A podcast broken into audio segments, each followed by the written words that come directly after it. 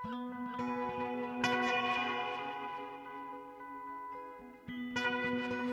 sæl, kæru hlustendur. Gunni Tómasson og Halla Harðardóttir heils ykkur úr hljóðstofu Vísjár þriðdægin 31. janúar. Og í þætti dagsins þá höfum við sláturhús, vetrarferð og postmoderníska komodu. Já, við sækjum heim sláturhúsið á eigilstöðum en það hefur heldur betur blási lífi í menningun á Östurlandi frá því að það opnaði dyr sínar árið 2005. Síðastliði haust var sláturhúsið opnað með pomp og prakt eftir gaggirar endurbætur en í þessu gamla sláturhúsi fer fram fjölbreytt menningarstarfsemi og heilmikið samstarfið aðrar menningarstofnanir. Um helginna opnaði svo þar ljósmyndasýning á verkum Jessica Auer sem býr og starfar á Seyðisfyrði en sýningastjóri er Sigrún Alba Sigurðardóttir. Við ræðum við Sigrúnu í þætti dagsins en einnig Ragnhildi Ásvaldsdóttur, sláturhússtjóra. Og Benedikt Kristjánsson, tenorsöngari, verður gestur þáttarins hann allar á morgun á samt píjónleikarinu Mattiasi Halvorsen að flytja vetrarferðina eftir Frans Schubert á tónleikum í Salnum í Kópavói. Benedikt segir okkur frá ævintýrum sínum með þetta verk. Já, þau eru heldur betur forvittnileg eins og þetta þróaðist hjá hann í Bonn í fyrra til dæmis. Og við fáum pistil frá Óskari Arnósinni Í dag veltir hann fyrir sér sögu, tilgangi og örlögum forláta kommóðu sem hann erði frá vinum fóreldrar sinna. Þessi postmótiniska kommóða var hönnuð af arkitektunum Pálmari Krismundsinni á tíunda áratug síðustu aldar og er eins og oft áviðum postmótiniska hluti fyrirferða meiri þegar kemur á útliti en notagildi, meira en það hér á eftir. Við byrjum þáttin á Östurlandi, nánar tiltekið í menningarmiðstöðinni Sláturhúsinu þangað sem er gott að koma. Þangað fór Gíja Holmgerstóttir í síðustu vikum, leitinn og forvitnaðist um starfseminna og ljósmyndasýningu sem að opnu var þar um liðna helgi. Gíja segir okkur frá og við tökum saman hér í þættinum.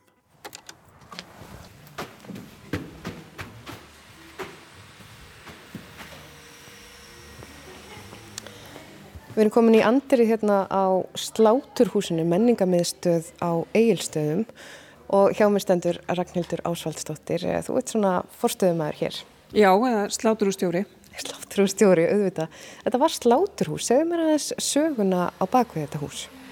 Sko, uh, sláturhúsi var byggt hérna á áranum 1945 til 47. Þá var það í byggingu og opnaði bara 47 ef ég mann rétt. Og hér var slátrað uh, fyrst og fremst söðfjö.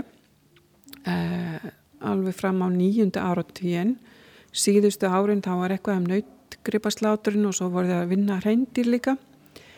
En öll sláturinn hætti uh, í kringum 1994 ég held ég sé alveg að fara með rétt með tölunar en, en 1994 uh, síðan stendur húsið tómt og sveitafélagið egnast á endanum og það er ákveðið uh, árið 2006 að hér færi inn uh, fyrsta lagi átt að fara inn bara ungmennahús.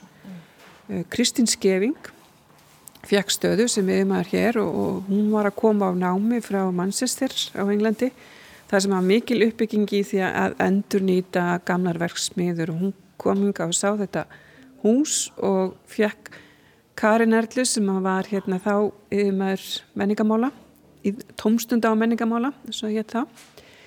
Og hún fjekk eiginlega bara svolítið frjálsar hendur um að ja, gera þetta af menningamistöð og síningarými og, og hér var meðal annars uh, Reyndirland 700 is uh, videolistaháttin, hún var átti hér aðsettur í mörg ár. Mm -hmm og síðan bara þróast þetta áfram og, og, og hérna það kemur síðan við lirði frá ríkistjórninu um, a, um að byggja menningahús út á landi sem að meðlans hóf og akkur er í sprottu upp úr og það stóð til í byrjun að byggja nýtt hús á heilstöðum en sem betur fyrir þá var pólitísku vilji fyrir því að, að nýta þetta hús áfram uh mhm. -huh. og svo bara líður, líður tíminn og, og áratýjir og það er ekki fyrir árið 2020 sem er lóksins farið í þessa breytingar. Og það er tóku í tvö ár. Áttu náttúrulega bara að taka hálft ár eða eitthvað slúðist til að byrja með svo eitt ár. En hérna það er lengtist í tvö ár og það er, það er ekki alveg búið, það er ennþá hérna rafvirkjara á, á hlaupum að, að svona retta hlutum. Já, akkurat. Uh, við skulum aðeins kíkja inn í uh, eitt síningarímið sem er þá fristiklefin, gamlega það ekki, Já. jú.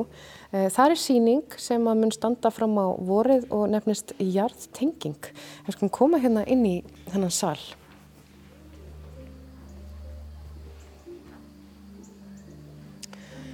Segðu mér aðeins frá þessari síningu.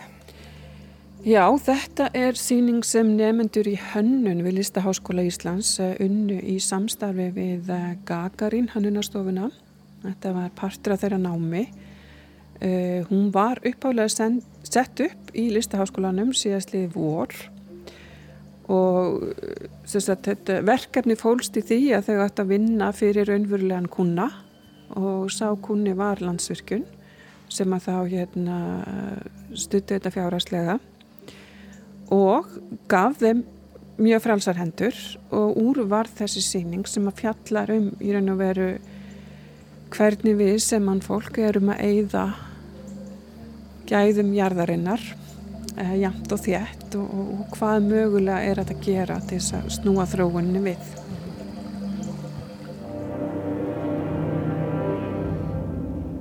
Takkið ofta á móti svona samstarfsverkefnum og, og til dæmis líka samstarfið uh, eins og listaháskólan?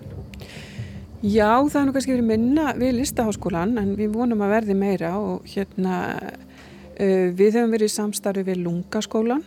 Þau settu til dæmis upp uh, lokaverkefni sitt á haustunni hérna í Sláturhúsinu í desember og, bara lögðu undir sig allt húsið og mjög gaman og við höfum gert það svo sem áður, verið með verkefni frá þeim. Þannig að við sjáum alveg fram á að hérna í framtíðina að hérna að hérna, vera með meira samstarf við listaháskalanum þá kannski sviðslistabrautina eða síningastjórn, ég meina það er allt, allt opið okkar hálfu Já. og við búum svo vel að við erum með íbúð sem við höfum til afnóta fyrir listafólk sem kemur yngar í residensíu og hérna þannig að það er alveg að koma og vinna hérna yfir lengri tíma Skulum kíkja aftur hérna fram. Uh, við erum núna á jarðhæðinni. Já. Hvað er inn í þessum sál sem er uh, verið að laga? Sko, hérna eru við með síningarými sem er verið að laga hérna loftræstinguna á og uh, hér getur við verið með svona minni pop-up síningar. Við, þetta er ekki eins prógramera eins og síningarýmið uppi En, og hér fyrir innan eru við með sko eiginlega svona gimstennin okkar mm. sem er ungmennahúsið vegahúsið. Já. Ungmennahúsið vegahús og hér erum við komin í róa næði aldilis. Já, það er, sagt, þetta er ætlað fyrir ungmenni á aldrinum 18-25 ára. Þau hafa svolítið sitt aðsetur hér og búa til dagskrá og eru hérna þrjus að fjórusunni viku, spila og, og bæði tölvespil og, og og alls konar spil. Uh, já og það eru ymsi klúpar tengdir þeim sem hittast hér. Og svo hafaðu aðganga tónlistarherbyggi og það er verið að byggja eða setja upp podcaststúdíu hérna líka. Skulum kíkja hérna núna upp á efrihæðina þar sem eru fleiri salir. Rétt áður en að við förum hérna upp hennan uh, fallega stiga þá eru hér tæki úr gamla sláturhúsinu eh, eitthvað svona mótor og eh, eitthvað svona já.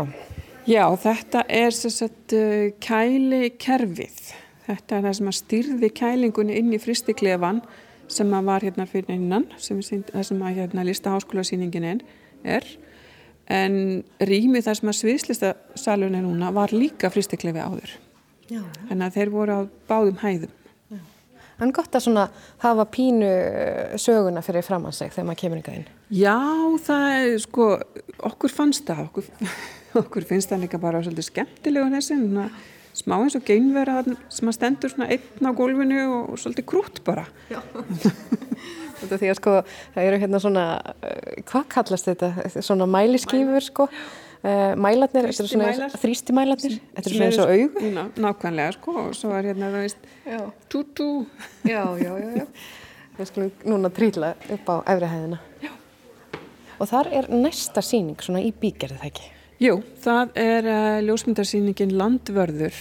Uh, Jessica Auer ljósmyndari sem býr og starfar á Segðisfyrði og síningastjóri er Sigrun Alba Siguradóttir. Þessi síning opnar 28. januar og við erum svo í samstarfið Skaftfell uh, þar sem að hluti að verkum Jessica verða synd í Skaftfell Bistrú á meðan að þessari síningu stendur. Sigrún, uh, þú ert síningastjóri, síningarinnar. Um, hvað svona eru helstu áhersluðnar í, í síningastjórninni? Já, við Jessica rættum mikið um merkið í upphælega. Ég byrjaði sérst að vinna með henni fyrst fyrir síningunni í ljósmyndasafni Reykjavíkur og skrifaði texta um þá síningu og það sem okkur langar að draga fram er svolítið þessi sameigila ábyrð okkar allara á náttúrunni, bæði okkar sem búum á Íslandi og þeirra sem sækja landið heim og, og landverðinir eru svolítið ták fyrir fyrir þessa stöðu að bjóða fólk velkomið en reyna að stýra um leið hægðum þeirra í íslensku landslægi og hérna þannig að það er svolítið áherslan er svolítið hvernig allt hangið saman í náttúrunni og hvernig við erum einhvern veginn öll hluti á sömu heild. Og þannig að mér finnst ykkur takast mjög vel að fanga í rauninni í svona, í þessum portréttmyndum að fanga í rauninni viðkvæmnina sem að þess að viðkvæmu stöðu sem við erum í að þurfa að venda en líka veita aðgang á sama tíma. Og við höfum verið að leika okkur svolítið með orðið að snerta. Veist, við viljum að landi snerti við okkur en við viljum ekki snerta það of mikið. Og það er svolítið svona þema í þessu. Og svo í landslagsmyndunum þá dregur Jessica líka mjög skemmtilega fram svona öll þessi smáadriði og þú veist þó að náttúrun sé stórbrotin þá maður samt meðvitaður um einhvern veginn viðkvæmnina og, og svona þessi örfínu hluti líka. Skiptið þið reglulega út síningunum ykkar? Já, þetta er sagt, eh, frá, frá því að við opnum eftir endurbætur 22. september þá er þetta í raun og verið þriðja myndlistasýningin sem er hérna uppi. Eh, svo fyrsta opnaði aðeins fyrir opnun á allu húsinu, sko. við opnum í byrjun september. En við reynum að hafa er láta að standa að minnstakosti þrjá mánuði, það er svona framtíða stefnan. Af því að þetta er náttúrulega viðamikla síningar, kostnæðarsamar og pluss er maður alltaf líka að hugsa um umhverfið, það kostar og þetta er kostnæði fyrir umhverfið líka að vera alltaf að setja upp nýtt og nýtt og nýtt og, og það þarf að smíða og svo tekið niður og það er alltaf, hvað getur við gert við það? Þannig að hérna svona okkar leið er að hafa, láta það standa svolítið lengur Já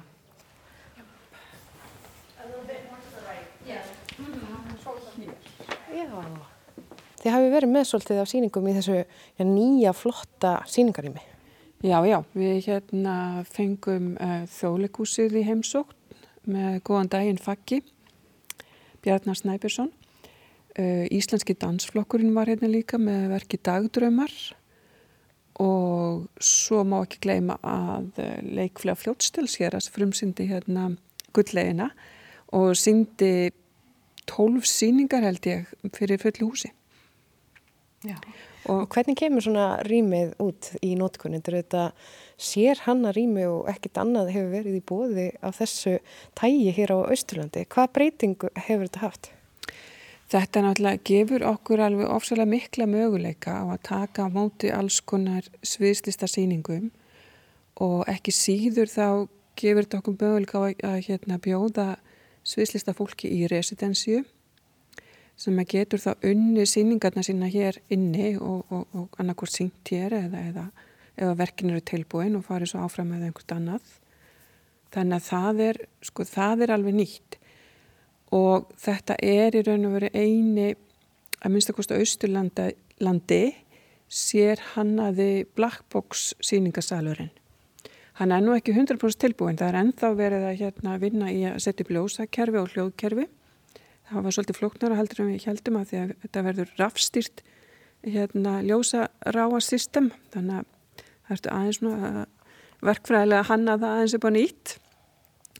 En síðan eru við bara næsta verkefni sem er að koma hér en er uh, ringleikur þau eru að koma hérna í residensju og svo eigum við vona á dansópi á eftir þeim. En það sem er kannski mest spennandi akkurat núna er að við vorum að fá styrk, stóran styrk úr sviðslistasjóði fyrir uh, nýju barnalegriti sem að hérna, Þór Túlinu skrifaði fyrir okkur og það verður sett upp hérna í haust. Og það er samstagsverkefni Sláturhúsins og leiksópsins Svipir og Ágústa skúladóttir mun að öllum líkindum leikstýra því. Mm. Og hver eru efnistökin í því verki? En svo ég sagði, þetta er, þetta er, þetta er barna æfintýra hérna, leikrit fyrir börn og þetta byggir svolítið á þjóðsugunum sem eru hér á þessu svæði. Eh, fjallar um tvö ung börn sem að fara og leita að eh, hústýri sem er farið á flakk og hérna, já, lenda í alls konar æfintýrum og hitta álva og tröll og ímsa aðra. Já. Spennandi. Og þeir eru sko ekki bara með hérna svona leikhúsrými, þeir eru líka með sérstaklega dansal. Já, við erum rosalega máttinn af dansalunum okkar sem að náttúrulega bara ber það nafn vegna þess að það er e, sér hann að svona púðagólf hérna undir fyrir dans og, og svo dansdúkur ofan á. E, við hefum nú ekki verið með danskenslu hérna eftir að við opnum en það var alltaf hérna á árum áður og stefnan á að taka það upp á nýtt. En núna er jóka hérna. Og, og svo ætlum við að sína eitt af vídeoverkum Jessica hér inni. Já, já. þannig að þá setjum við upp fjara metra tjald hérna fyrir speilin og uh, fólk bara sest hérna niður að púða og, og horfur á vídeo Mjög fallit rými. Og það sem ég sé svolítið í öllu sko húsinu eru gluggarnir, það kemur mikil byrta hingaðinn Já, það var opnað mikið upp sko við þessar endurbæti sem voru gerðar. Mm. Eh, arkitektin okkar, Anna-Maria Þóraldsdóttir sem reykur snittu hérna á Egilstöðum, hún hannaði þessar endurbætur og opnaði svolítið upp rými með þessum hérna, eins og til dæmis hér voru settir stórir gluggar og gluggar í, í hérna hurðarnar ja. til þess að fá aðeins inn byrtu. Mm -hmm einst líka í síningarsalum þá eru þess að það er, kemur byrta úr tæmi glukkum en þeir eru samt ekki þannig að þeir trubli lýsingunni salum. Gleislega, takk fyrir að, að sína mér hérna að sláturúsið og segja mér svona frá því helsta í ykkar starfsemi. Takk fyrir Ragnhildur Ásvaldsdóttir. Já, bara takk fyrir kominu og gaman að fá okkur í heimsókn.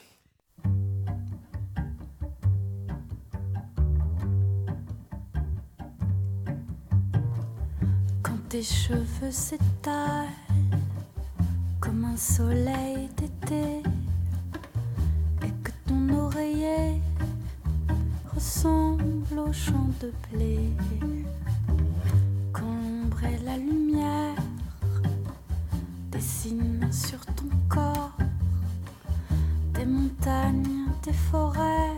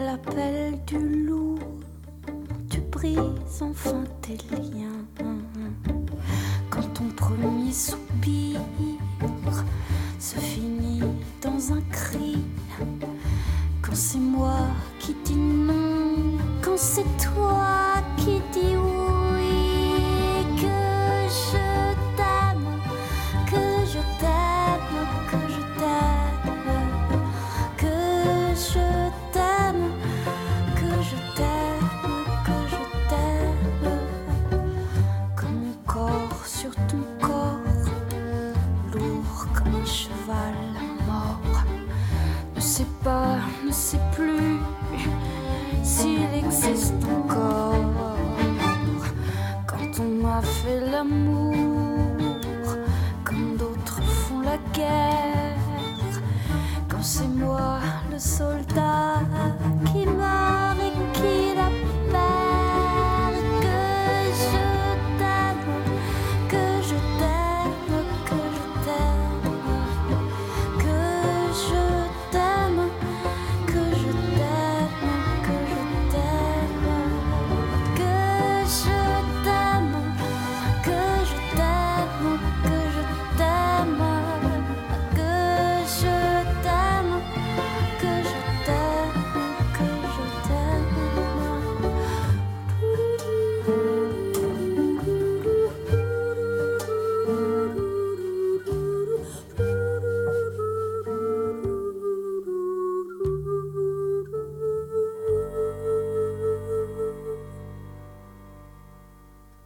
Franska söngkunan Camille með lægið Kussi Dem frá árinu 2017 hér á eftir heimsókn Gíu Holmgersdóttur í Sláturhúsið á Egilstöðum.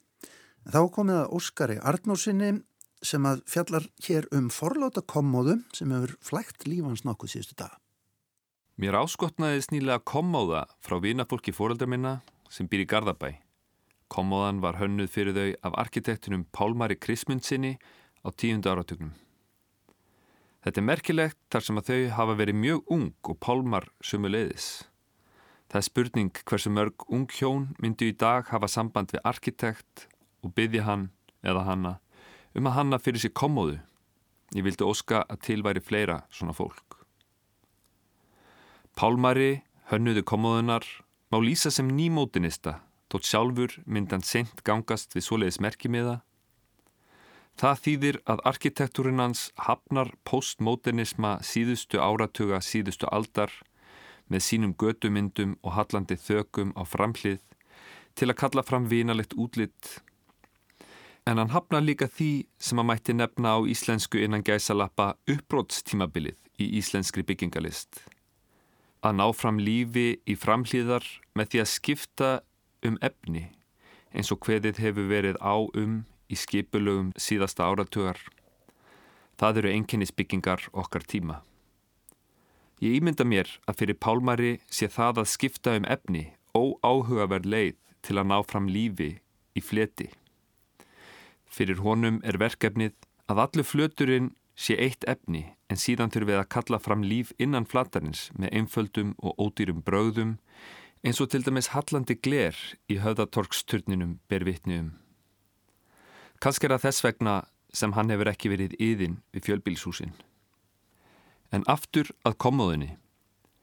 Kommóða Pálmars er ekki nýmótinísk eins og arkitektúrun hans, heldur er hún ángi af þeim kema byggingalistar sem nefndur var afbygging.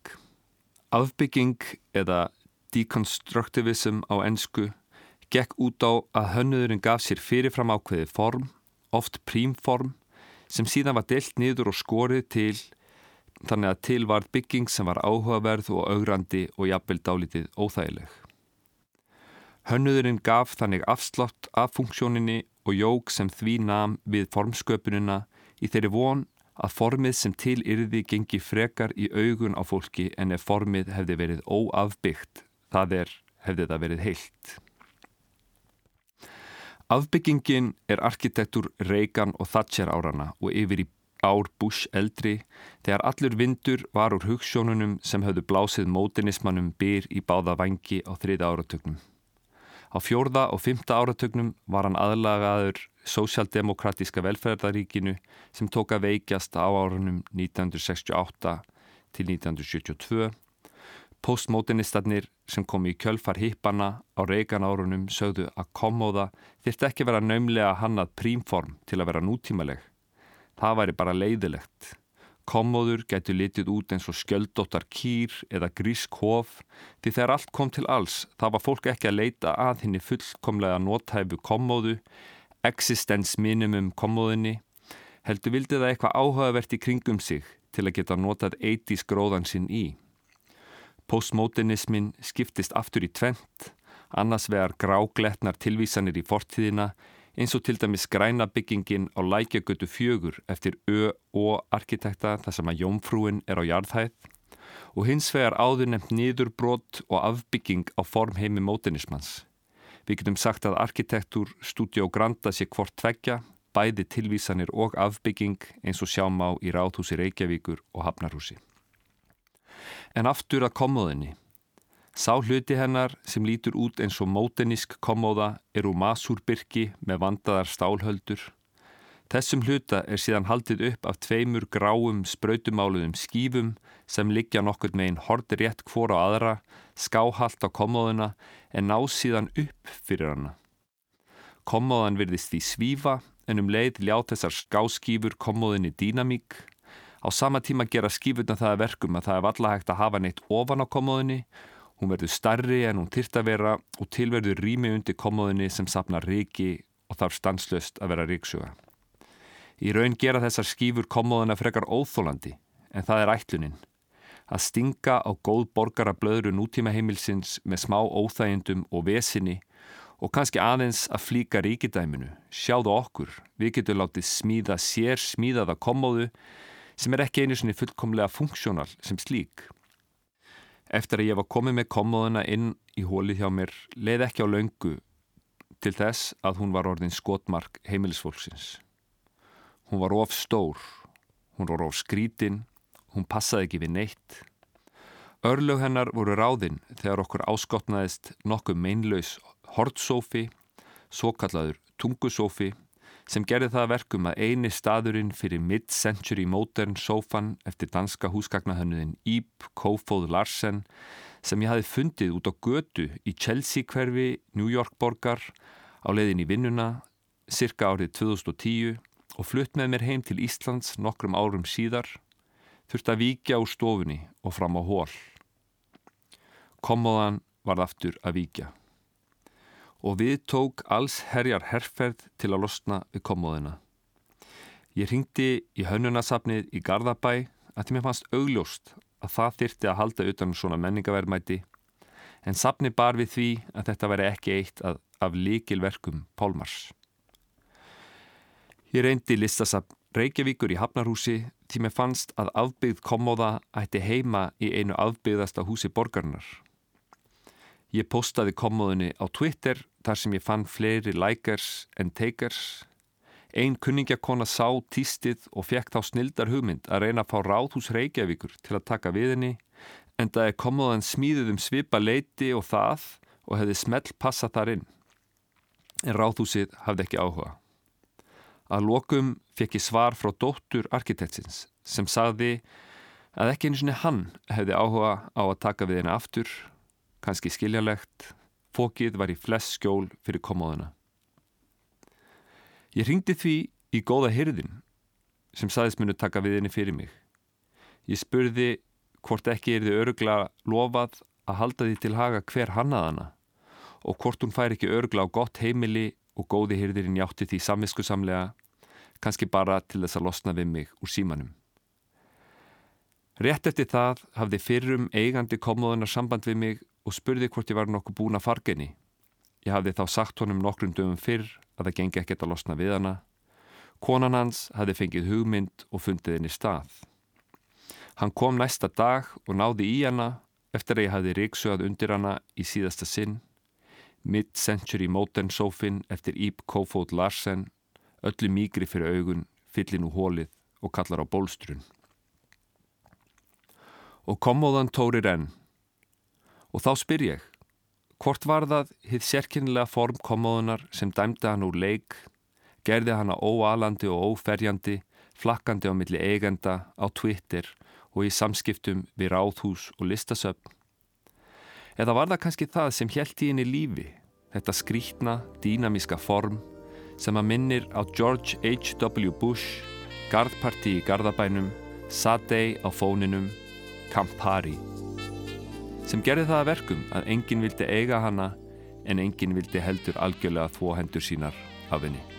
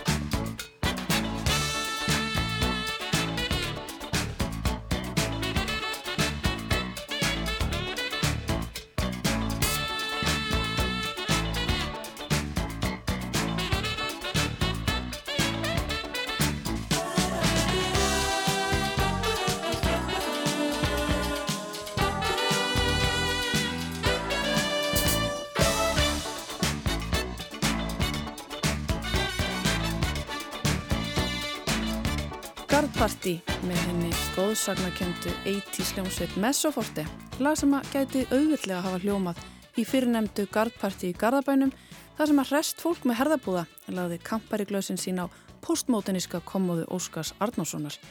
En úr 80s poppi höldum við á aðeins klassískari slóðir. Já, 226 ára hefðan orðið í dag, hefðan lifað, getum við sagt þetta, en allavega fæðingarammali Frans Schubert, það er í dag og við ætlum að huga næst að honum.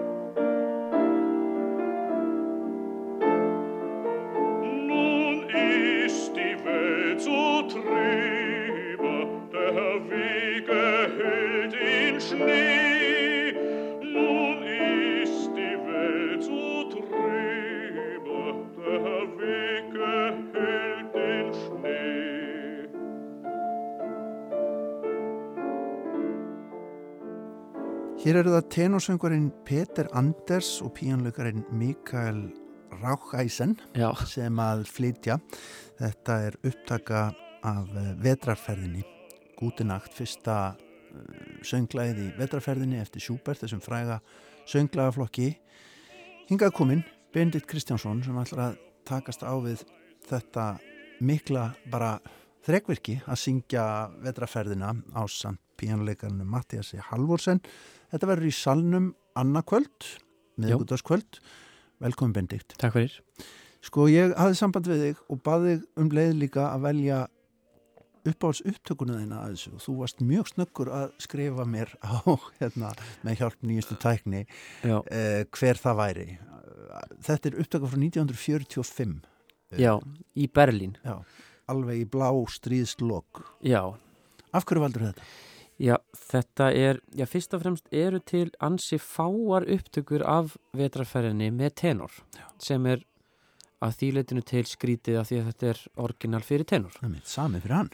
Um, þannig að flestar upptökur sem við þekkjum eru færiðar niður í tóntegund mm -hmm.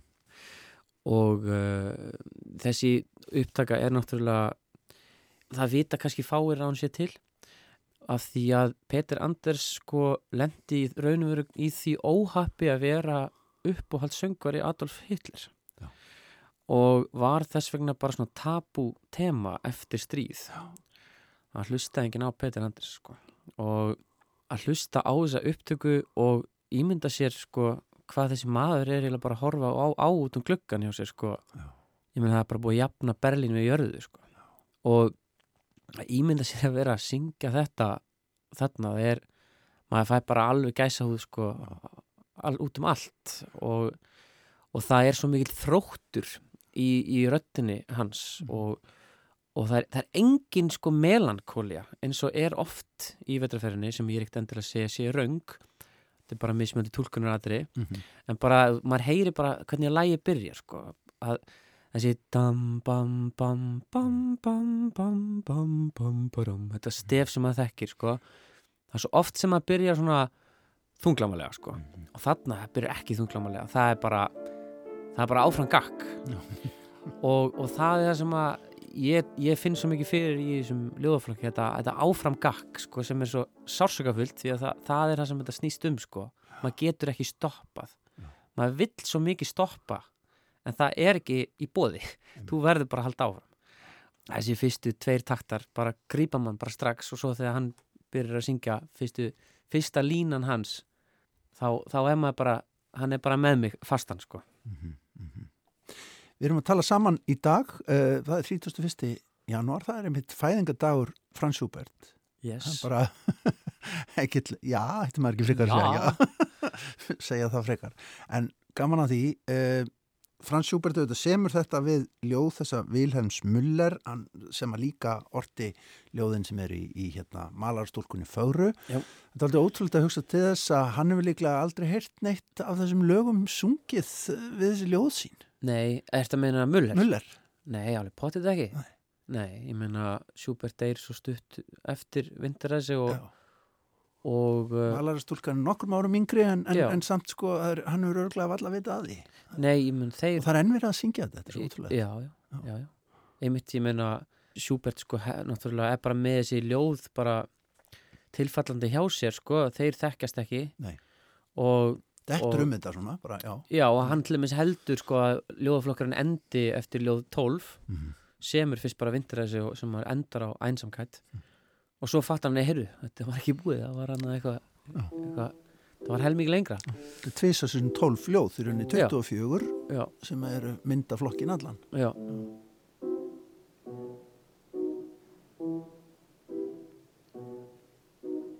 der du so lustig rauschtest, du heller wilder Fluss, wie still bist du geworden, gibst keinen Scheitergruß. Lýsta þessu ferðalagi sem að hérna, þessa unga manns sem að er í svona daldi eðilegu vetralandslægi og, og ferðast á milli lagana. Við, við fylgjumst með honum í gegnum textan. Hva, hva, hvað er þetta? Já sko mér finnst þetta ekkit vera raunverulegt ferðalag. Mér, af, af því að sko ólíkt Sjönu Mullerinn malarastúlkunni, þá, þá er maður með framvindu sko, að einhver hérna bara leggur stað og hann lendir í þessu og hinu, svo kemur einhver svona samtal við einhverja stúlku og svo kemur einhvern veiðmaður og svo er hann eitthvað alveg með sinni í lokin og svona. Það er einhver framvinda, en ég vindur þessi það er engin framvinda, það er bara ég gerði svona ákveðna tilburði varandi þetta í Bonn í, fyrra, þar sem að ég sérst, söng þetta bara í loop sko, held bara alltaf áfram að syngja þetta aftur og aftur af því að síðasta lægið endar á spurningu bara hérna, vilt þú spila undir ljóðin mín á lýrugkassaðin Já. og svo er þetta bara einhvern veginn búið en það er ekki þú veist ekkert hvers konar endir er þetta eiginlega Mhm. og, og þá gerði ég bara sem tilhörun að byrja bara aftur á fyrsta læginu Já. Og gerði það svo bara ansi, ansi mikið lengi sko en, en það er, þetta ferðalagið er bara andlegt þetta er allt hugsanir í gangi í huganum á þessum, þessari aðal personu Mm. þannig, að, þannig að eins og sé, það er engin saga þannig séð. En það er ángistinn einhver, einhver eftirsjá sem er svona grunn tótt, Já, jú, jú, Það, það, það má ekki syngja þetta samt og værðarlega eins og þú segir.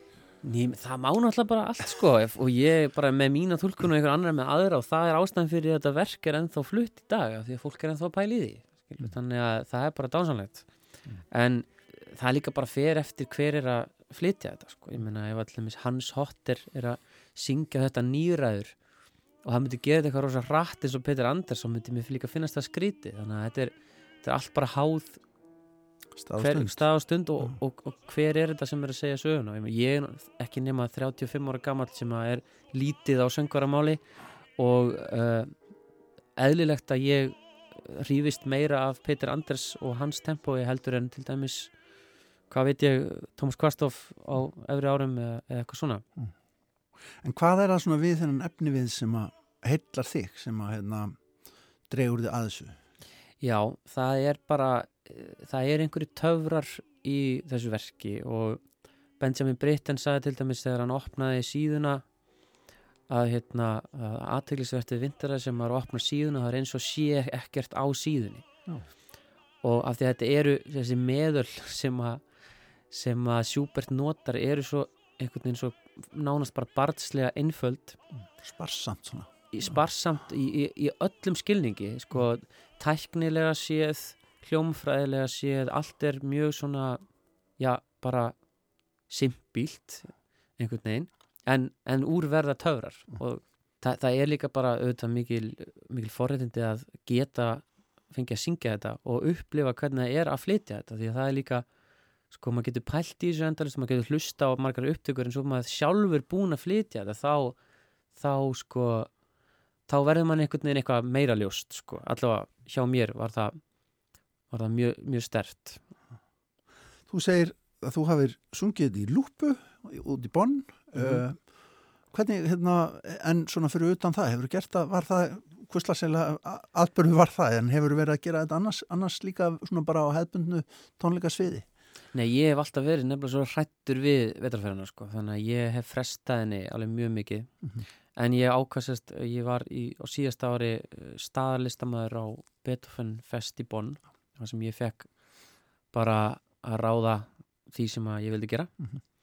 og þá ákvað ég að gera þetta og, og gerði í raun og veru bara svona gjörning í kringum þetta, Sest, ég flutti þessi bara venjulega með pianista og, og það var bara dásanlegt, gekk mjög vel. Og svo bara eftir síðasta lagið þá byrjaði ég bara að syngja einn fyrsta lagið og pianistin labba út.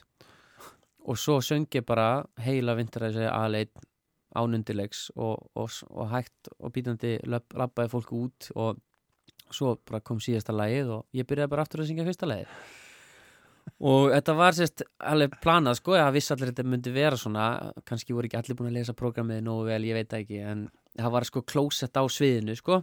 Þannig, ég fór aldrei af sviðinu og planið mitt var að syngja í 24 klukkutíma sko og, og mér sér að lappa sko á annan tónleikastað um morgunin og en málið er að ég var með, sérst, var með fleiri tónleika á festivalinu og, og tónleikunum á undan hafði ég sérst að hérna var ég á leiðinni niður tröppur í, í uppklapp og ég bara tók eitthvað svona hopp niður einhverja tröppur sem að þetta var sko onni sundlaug til þess að bæta sko Já. skemmtilega, já það var tónleikarnir onni, onni sundlaug. Það var ekki vatn í já, og hérna, já, ég minnstegi mig bara svo svakalega að ég gat bara ekkert lappað þannig að ég var bara sérst á hækjum líka sem að var til að gera þetta ennþá skemmtilega sérst, þessi marathon vindaræsi á hækjum líka.